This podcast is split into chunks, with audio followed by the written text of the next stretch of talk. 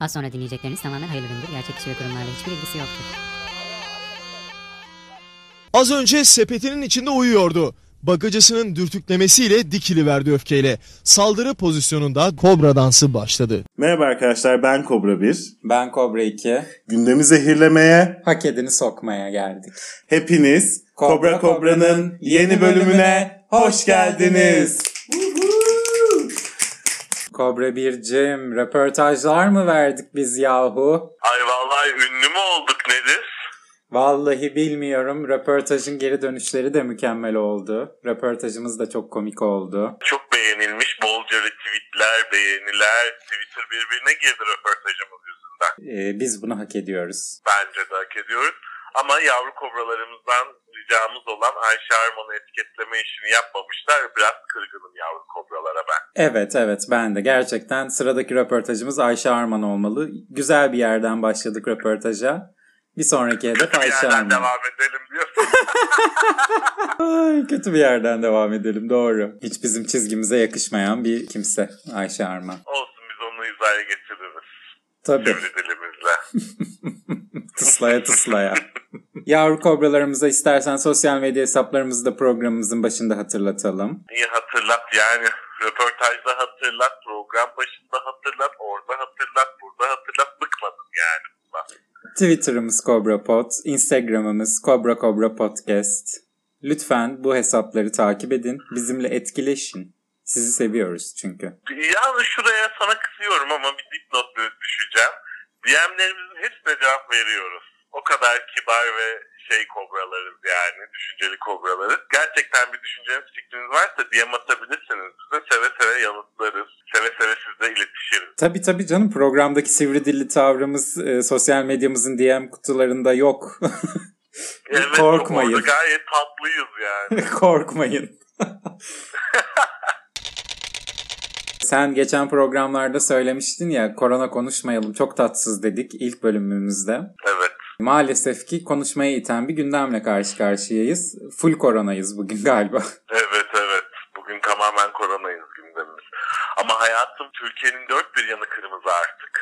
Tabii tabii yani kıpkırmızı hatta koyu kırmızı. Böyle bir şey olamaz gerçekten. İstersen vaka sayılarını paylaşmayan ülkelerle başlayalım. Olur. Türkiye, Türkmenistan, Tabii. Amerikan Samoası, Nauru. Bunlar şey mi? İleri demokrasinin olduğu ülkeler herhalde diğerleri de bizim gibi. Tabii tabii hem samimi hem ileri demokrasi olan Nauru isimli ülke de paylaşmıyor. Türkmenistan'ın zaten ne kadar ileride bir demokrasisi olduğunu hepimiz biliyoruz.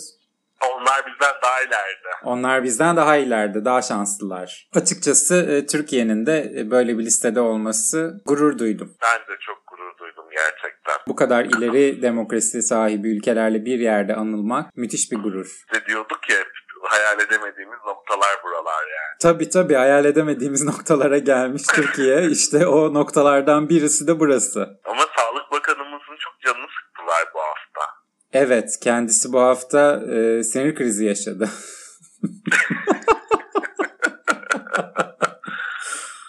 Kendisinin bu hafta bir sinir krizi oldu Siz vaka sayılarını ne yapacaksınız? diye bir çıkış yaptı. Gerçekten ne yapacaksın sen bu vaka sayılarını Kobra 1? Niye isteyip duruyorsun? Doğru söylüyor aslında. Yani vaka sayısının ne olduğunun bir önemi yok. E, arkadaşım kal evinde yani. Yani Mayı ver sokağa.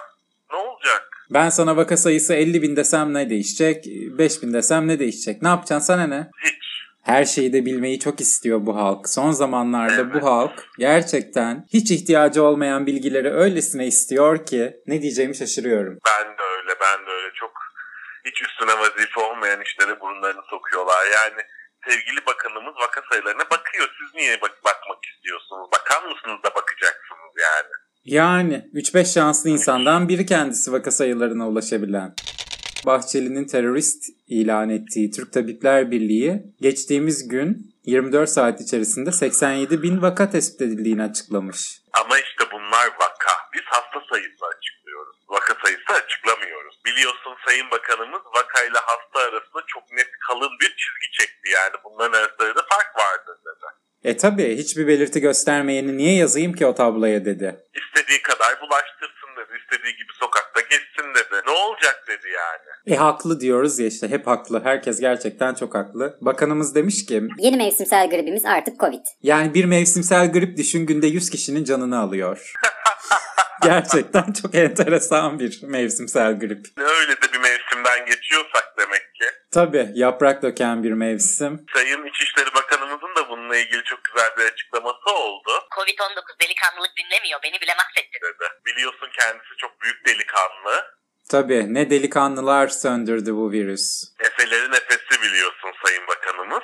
Tabii çiçeği burnunda bir delikanlı. Daha önce Türkiye'de görmediğimiz şeyler, eski Türkiye'de görmediğimiz şeyler biliyorsun. Eski Türkiye'de bakanlarımız eğitimleriyle, başarılarıyla, işte ne bileyim projeleriyle falan övünüyordu. Yeni Türkiye'de artık delikanlılıklarıyla övünüyorlar. E çünkü ötekilerden bahsetmeye gerek bile yok hayatım. Sokağa çıktığında hepsi ortada zaten yani.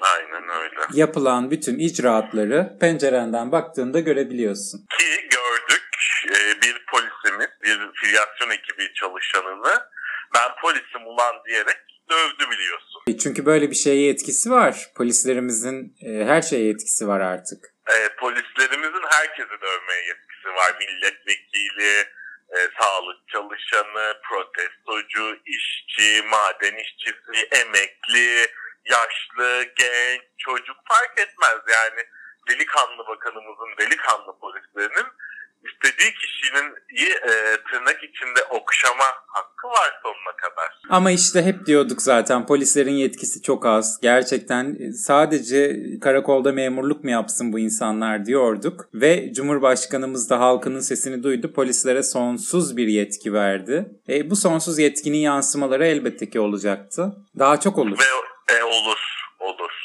olur. Daha çok delikanlılık görürüz biz sokaklarda. Tabii.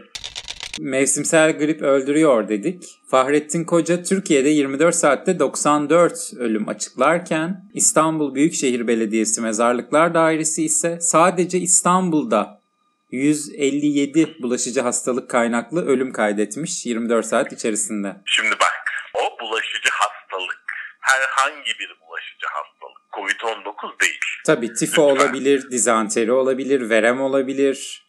Veba olabilir, çiçek olabilir, kızamık olabilir, Tabii tabii. olabilir. Herhangi bir bulaşıcı hastalık. Yani burada böyle lütfen algı operasyonlarına gelmeyelim yani. Bence de gelmeyelim. Ben bizzat yaşadığım bir olayı anlatmak istiyorum sana bu konuyla ilgili. Lütfen. Ee, daha iki gün önce bir yakınımızı kaybettik. Kadına e, korona Covid pozitif teşhisi kondu. Buradaki devlet hastanesine gittiler. Biz bakamayız yerimiz yok dendi. Diğer bir ilçeye gönderildi. Orası da yerimiz yok dedi. Diğer bir ilçeye gönderdi. Gönderilen üçüncü ilçede yer bulundu. Ve e, hanımefendi kalbi durduğu için vefat etti. Ve ölüm raporuna kalp krizi yazıldı. Kalbi durarak öldüğü için. Ya. Korona yazılmadı yani. Ya kalbi keyiften durdu diyoruz. Korona demiyoruz da kalbi atmayı bıraktı diyoruz. Aynen öyle. Tövbe yarabbim. Gülüyorum. Ağlanacak halimize gülüyoruz yani. E tabi tabi. Ne desen boş bir nokta. Öyle. Tabii ki bu kadar pik yapmışken bu hastalık sokağa çıkma yasakları da kaçınılmazdı. Ama tabii ki onu da dünyanın hiçbir yerinde olmayan bir şekilde yapmalıyız biliyorsun ki. Tek ülkeyiz çünkü dünyadaki. Evet ve e, uzun bir sürede hiç kimse anlamadı ne zaman çıkacak, ne zaman evde kalacak, kim çıkacak, kim girecek. Tabii tabii. Twitter'da biliyorsun iki gün iki gün boyunca gündem buydu yani. Biz ne zaman dışarı çıkacağız, ne zaman eve gireceğiz. Yani aslında hiç çıkmamanız gerekiyor tabii de. E tabii ama şimdi cuma namazı kılacağız. Ondan sonra ne bileyim e, reklam çekimlerimiz olacak, film çekimlerimiz olacak, e, turistik geziler yapacağız. Hiç çıkmamak da olmaz yani. E tabi tabi. E, sokağa çıkma yasağı istersen biz de buradan bir kere söyleyelim. Cumartesi sabah 10, akşam 8 arasında çıkabiliyorsunuz. 8'den sonra ise çıkamıyorsunuz. Bir sonraki sabah 10'a kadar. Pazar sabahı Aynen. 10'da tekrar çıkıyorsunuz. Pazar akşam 8'de evinize giriyorsunuz. Ta ki pazartesi sabah 5'e kadar. Peki şunu merak ediyorum ben. Cumartesi günü 10'a kadar çıkamıyoruz. Çıkıyoruz. Sabah 10'a kadar çıkıyoruz cumartesi günü. Hayır. Hayır. Cumartesi günü sabah 10 ile 8 arası çıkabiliyoruz. Ama işte cuma günü herhangi bir yasak olmadığı için İşte cumartesi... sa- he, yani işte onu onu anlamıyorum ben de. Yani cumartesi günü kaçtan ona kadar çıkamıyoruz? İşte o büyük bir muamma tabii. Ama zaten sabahın köründe çıkıp ne yapacaksın hayatım diye düşünmüş de olabilirler yani. Nereye gideceksin sabah sabah? Yani doğru. Bu kadar sıkı bir sokağa çıkma yasağı, sımsıkı biliyorsun. Pencereye çıkmak yasak neredeyse. O kadar ben abartı buldum bu yasağı. Turistler muaf, cumaya gidenler muaf, çalışanlar muaf. E, kime uygulanacak bu yasak ben onu da anlamadım. E, işi gücü olmayıp evde oturabilenlere uygulanacak. Öyle gözüküyor. Ben şimdi şunu çok merak ediyorum. Cuma'ya gitmeyen Türkiye vatandaşları oturacaklar evlerinde peki. Suriyeliler hangi statüde sayılıyorlar? Turist statüsünde değiller. E, vatandaş da değiller. Çıkabilecekler mi? Evde kalabilecekler mi? İşte her yere aynı anda bakılamıyor hayatım. Bakanın da bir sınırı var sonuç olarak. Doğru söylüyorsun. Bir merak ettiğim konu daha var. Evsizler nerede kalacaklar? Bunu da artık İstanbul Belediyesi düşünsün İstanbul için. Diğerlerini bilmiyorum yani. Artık bak diyorum ya bakanın da bir sınırı var. Her şeye de bakamaz ki hayatım. Bu kadar çok şey beklememek gerekiyor. Doğru. Ee, zaten e, sokağa çıkma yasağında da biliyorsun son dakika değişikliği yapıldı. Kreşler kapalıydı. Sonra dediler ki aa çalışan anneler var. Kreşleri kapatırsak bu anneler çalışamayacaklar. E, kreşleri bari açalım dediler. Ya kapatılsaydı da işe gitmek zorunda kalan kadınlar evde kalsaydı, devletimiz bir de ona para vermek zorunda kalsaydı. Düşünemiyorum felaket. Ben de düşünemiyorum. Ben de düşünemiyorum. Bu arada restoran ve kafeler kapalı biliyorsun. Tabii artık sadece paket biliyorsun. Ama bazıları bundan muafmış. Aa nasıl yani? Bilmiyorum. Yani nasıl yanisini ben de anlamadım. Nasıl yanisi açıklanmadı. Ama bazı kafe ve restoranlar bu yasaktan muafmış. Acaba demomuzun kocasının kebapçısı mı muaf bu yasakta? Aa, muhtemelen bu turistik yerdekiler, yerlerdekiler falan. E yani turistler de deli dana gibi sokakta dolaşıp ne yapacak 3-5 tanesini de kapatmayalım bari. Doğru söyle. Doğru düşünmüşler. Bak her şey bizim için. Her şey memleketimiz için. Her şey turistimiz için. Yani söyleyecek kelime bulamıyorum hayatım. Nasıl övebilirim daha fazla? Nasıl? Doğru vallahi. Öve öve biz de bir hal olduk gerçekten. Ya öve öve alışan göte olmaz tövbe derdi ya uysuz bir için.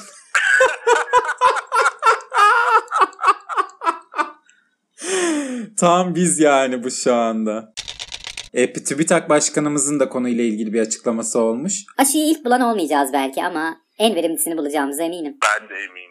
Ben de Yani- eminim canım deli misin? TÜBİTAK'ın biliyorsun Kur'an-ı Kerim'deki altın oran, e, hadislerin ekmek küflenmesine etkisi, e, papaz eliğini imam eliğine çevirme projesinden sonra en etkili projelerden biri de Covid-19 aşısı olacaktır. Buna çok eminim yani. Ben de eminim. 2030 gibi falan en verimlisini bulacağımıza %100 inanıyorum. E, 2053 hedef. Hedef 2053 doğru söylüyorsun. 2053'te en verimli Covid aşısını TÜBİTAK bulacaktır. Sonsuz güveniyorum. Geç olsun güç olmasın diyorum. Bence de öyle.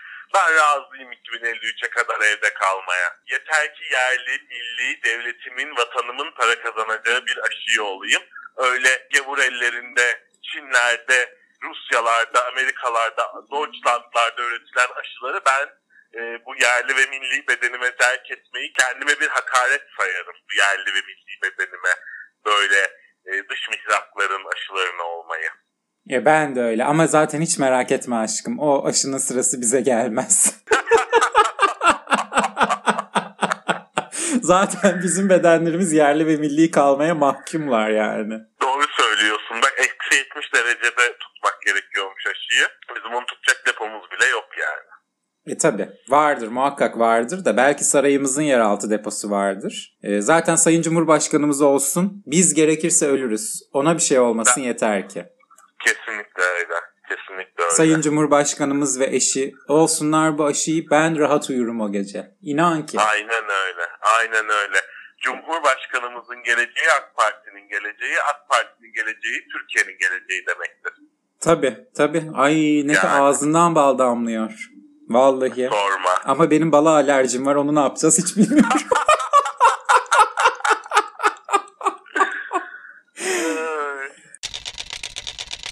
gelmişken benim bir de tek cümlelik bir fikram var bu hafta.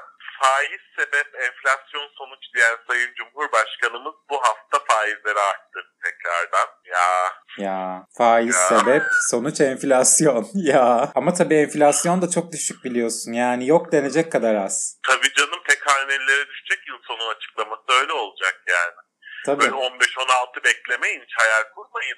Ya 8 açıklanacak ya 9 açıklanacak enflasyon. Ki doğrusu da bu zaten hayatım yani. Kimse her şey pahalı demesin. Bak iPhone'un satış fiyatı açıklanmış 10 bin lira. En mini iPhone.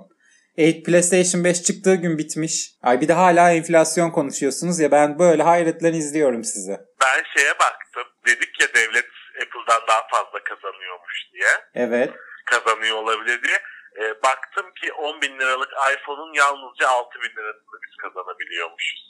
Ya işte daha Ya. fazla kazanmalıydı devletimiz. Üzdü bu durum beni. Beni de üzdü ama hiç üzülmeyelim. Hiç üzülmeyelim. Mutlaka bununla ilgili bir proje vardır. Mutlaka vardır. Tabii canım ona da bir vergi zammı bir şey gelir şimdi satışlar çoğalırsa. Devletimize, milletimize gönül vermiş olan telekomünikasyon şirketleri alırlar 10 bin liralık telefonu 15 bin liradan satarlar. Yine daha fazla kazanır devletimiz. Onun bir çaresini bulurlar mutlaka. Magazine mi girsek acaba? Haydi biraz magazin diyelim ve arenamıza gidelim. Söylemezsem olmaz arenasına gidelim. Çünkü felsefe çok ateşli günler yaşıyor orada bu sıralar. Evet. Söylemezse olmaz filozoflarımızın oturduğu söylemezsem olmaz masasından bu hafta kötü kokular geldi mi diyebilir miyiz? Geldi diyebiliriz. Seren Diyojenimiz bu hafta gündemdeydi. E, akıl almaz bazı açıklamaları oldu. Selin Ciğerci özelinde başlayıp bütün translar geneline yayılan ipe sapa gelmez ağzından çıkanı kulağı duymayan bazı açıklamaları oldu Seren Diyojen'in. Kan dondurdu diyebiliriz bence. Benim kanımı dondurdu en azından. Benimkini de dondurdu. Yani ne biçim laflar onlar yok. Selin'in babasının oğlu oldu. Şimdi kızı var. Yok efendim e, Türk ahlakı buna uygun mu? Biz Hollanda mıyız?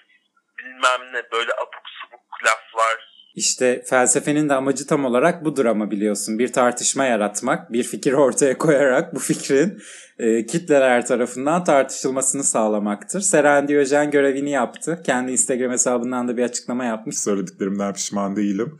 Üç gündür beni konuşuyorsunuz. Konuşturmanın iyisi kötüsü olmaz. Demek ki doğru yoldayım. dedi.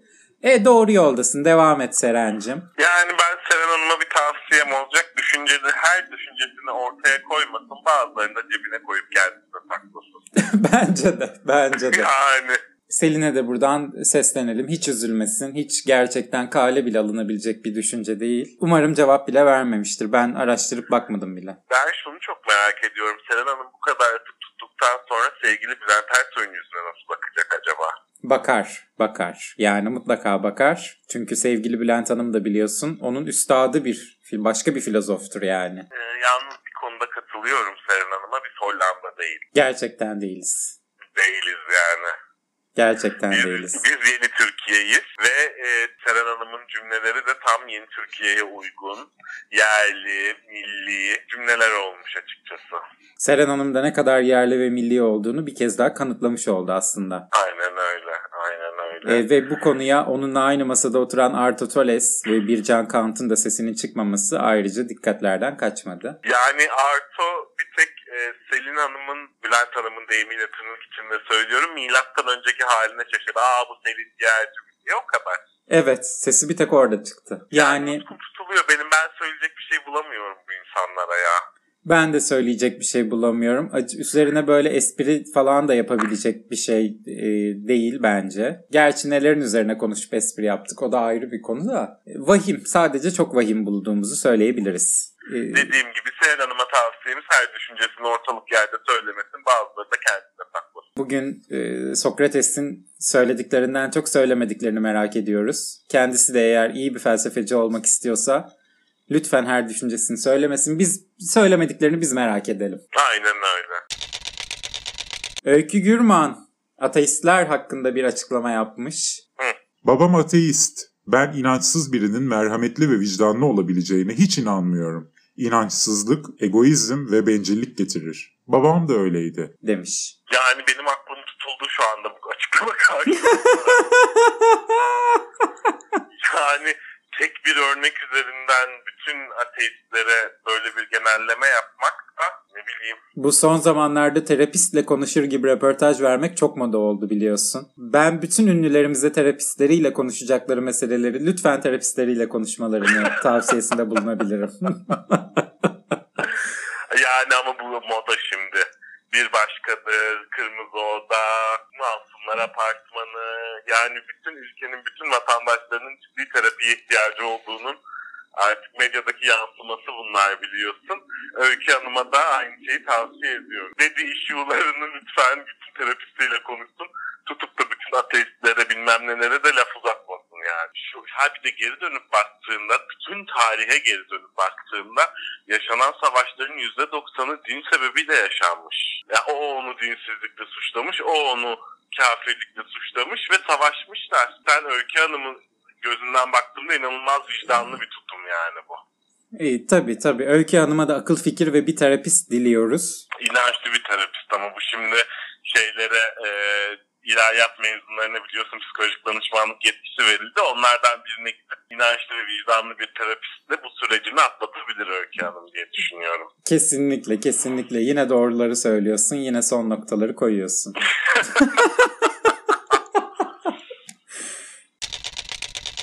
Cumhurbaşkanı köşemize geçelim mi? E, geçelim hadi. Cumhurbaşkanımız demiş ki Bana 5 dönüm arazi verin. Kuzey Kıbrıs Türk Cumhuriyeti'nde Cumhurbaşkanlığı makamını inşa edelim. Zira bu tür makamlar farklı ülkelerin bakışını değiştirir. yani Nasıl bir bakış değiştirecek onu anlamadım ben. Ee, ben de anlamadım ama eminim ki kendisinin bunu söylerken bildiği bir şeyler vardır. Adamın canı orada da bir ev istemiş. Ne var bunda kötülük? Yani oraya da bir saray yapsak çok? Yani ayda bir iki kere gitse çok mu? Bence böyle. Hem ben ben Kıbrıslıların bu habere çok sevindiğini düşünüyorum bir kere. Keşke Cumhurbaşkanım gelse de benim mahallemde de saray yapsa yani.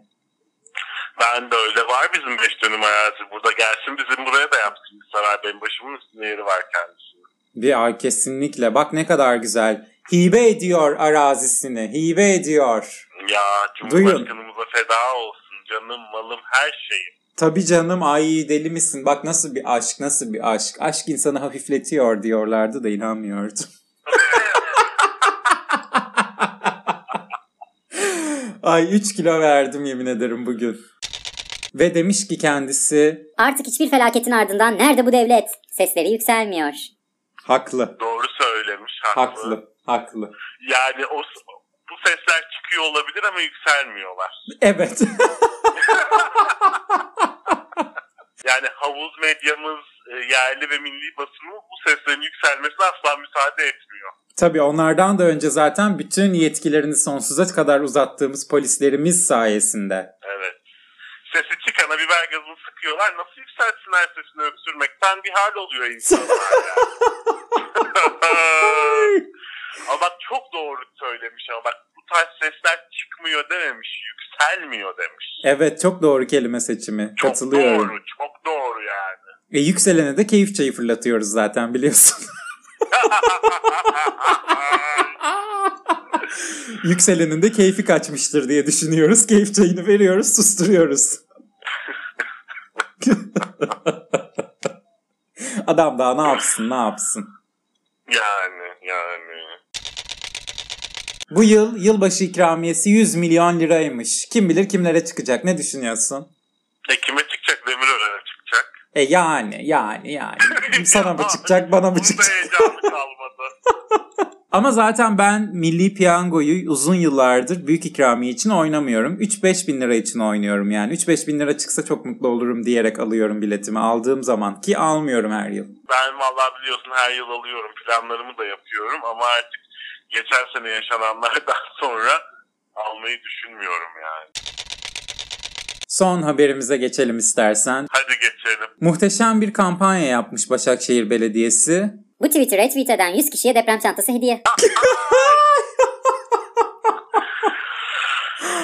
Yani bu belediyelerin sosyal medyacıları da gerçekten Korkunç. yerli ve milliler. Çok korkunçlar bence. Akıl almaz, akıl almaz gerçekten ama tebrik ediyorum. Hepimizin ihtiyacı olan şey deprem çantası ve bunu hediye etmeleri büyük incelik.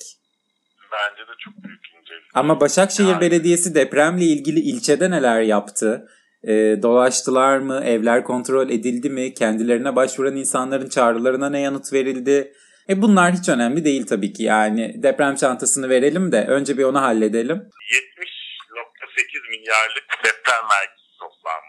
Ya Herhalde bu deprem çantaları da o 70 milyar liranın ucundan alındı. öyle olması gerekiyor. Öyle olması gerekiyor. Yani otoyollardan, köprülerden arta kalan paradan işte 100 tane de deprem çantası alınmış.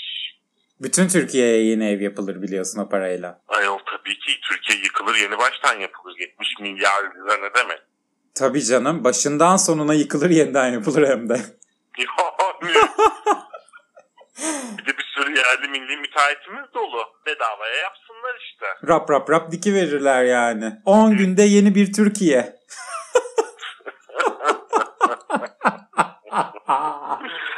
Bu şey gibi ev değiştirme programları var ya veriyorsun 3 gün sonra aa bu benim evim mi diye giriyorsun içeri tam öyle. Mimar Selim Bey'i de alsınlar yanlarına değiştirsinler Türkiye'yi baştan. Biz sonra bir gelelim 10 gün sonra aa diye. Bak yine muhteşem bir proje ama işte bizi duyan yok, bizi duyan yok. Yok yok gerçekten yok.